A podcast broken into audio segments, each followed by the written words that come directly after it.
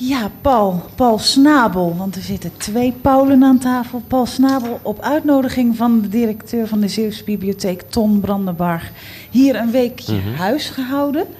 Wat heb je allemaal gedaan? Heel veel. We hebben heel veel dingen gedaan. Vandaag, dat is wel leuk, omdat dat ook past eh, bij het thema wat ook vandaag in de uitzending doorklinkt. eh, met Paul Reinders de hele dag op stap geweest eh, om te gaan kijken naar de, je kunt zeggen, de verbinding tussen de psychiatrie en de samenleving hier. Het werk van Emergis, de samenwerking met de eerste lijn. We hebben ook vandaag eh, een huisartsenpraktijk ook nog in Middelburg bezocht om daar ook te kijken hoe die samenwerking op het gebied van de geestelijke gezondheidszorg tot stand komt.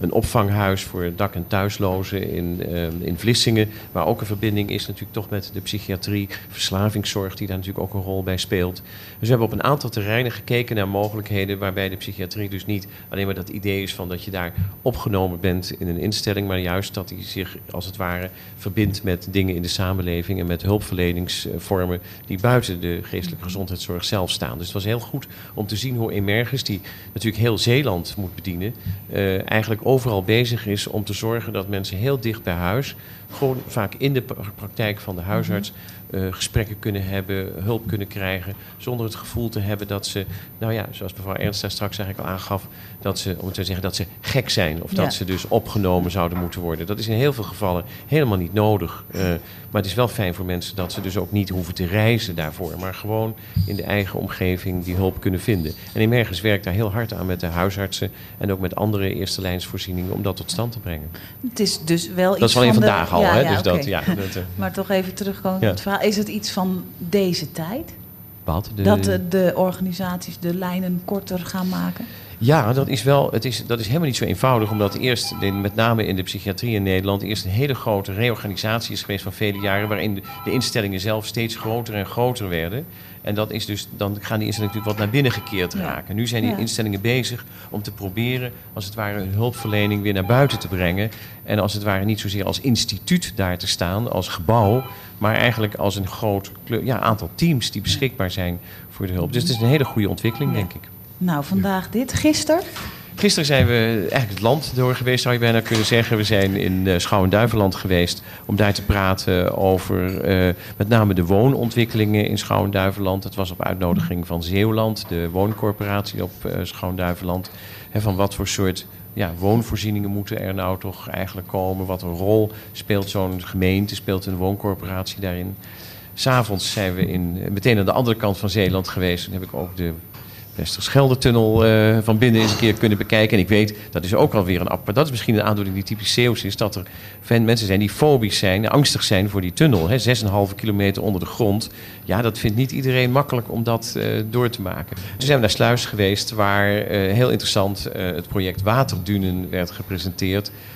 He, dus daar aan de kust bij de Westerschelde moet een zwakke plek in de waterverdediging verdediging tegen het water versterkt worden. En het idee is om dat veel groter te pakken, daar een nieuwe duinenrij te creëren met ook, als, zoals dat heet, een zilte omgeving. Waar dus als het ware het, het zeewater naar binnen kan. En waar dus een heel andere dan de omgeving gecreëerd kan worden. Het idee is om dat zowel als recreatiegebied te gaan ontwikkelen, als ook zelfs misschien als een nieuw soort landbouwgebied. Nou, dat is een, een natuurgebied. Dat is een hele interessante, een hele kostbare grote ontwikkeling. Waar men heel, heel veel discussie over heeft in Sluis. Want daar speelt natuurlijk ook landbouw doorheen. Boeren zouden daar dan weg moeten. De vraag is ook, gaat dit echt werken zoals dat bedacht is? Uh, het is een particulier private, uh, gedeeltelijk een particuliere onderneming, gedeeltelijk publiek geld. Gaat dat wel goed samen? Nou, dat soort discussies hebben we uh, gisteravond in het Belfort, prachtige Belfort van Sluis, met ik, nou, ik denk wel 80 mensen of zo besproken. En de dag daarvoor heb ik dus mijn grote lezing hier in de bibliotheek gehouden. En hebben we, Van een volle aula, hè? Ja, fantastisch. ja. En hebben we in Domburg een discussie gehad Um, over het thema rond de, de, toerisme en zorg in Zeeland. Of daar dus ook voor de toekomst, voor Zeeland met name, als het gaat om zorg voor ouderen en voor, alle, en voor mensen die dus eigenlijk meer, zou kunnen zeggen, hulpbehoevend zouden kunnen raken op den duur. Of daar voor Zeeland een specifieke rol weggelegd zou kunnen zijn. Nou, zo hebben we heel veel uh, onderwerpen uh, al de revue laten passeren en veel ontmoetingen en discussies uh, gehad. Je hebt de, de directeurssleutel van ja. Tom Brandenbarg ontvangen, maar met zo'n programma heb je toch gewoon geen tijd om op die uh, mooie grote kamer te zitten? Nou, echt zitten is niet zo heel veel gebeurd. Nee. Uh, ik heb natuurlijk wel wat gewerkt en, en we zijn er geweest. Het is een prachtige kamer, mooi uitzicht over de stad. Wat op zich, hè, dat moet ik wel zeggen, uh, ik ken de Middelburg, als ik heel eerlijk ben, eigenlijk helemaal niet. Terwijl je toch niet hier heel erg ver vandaan geboren bent. Dat is waar. Uh, ik ben in Bergen op Zoom geboren en in Breda opgegroeid. Maar ja, wij, wij, ik, mijn, mijn vader kwam zelf uit de bossen, om het zo maar te zeggen. Dus wij gingen altijd nooit op vakantie naar het strand. Ik heb heel weinig strand in mijn leven gezien uh, als kind. Dus wij gingen altijd naar, uh, naar de bossen, naar Brabant of zo, of naar Limburg.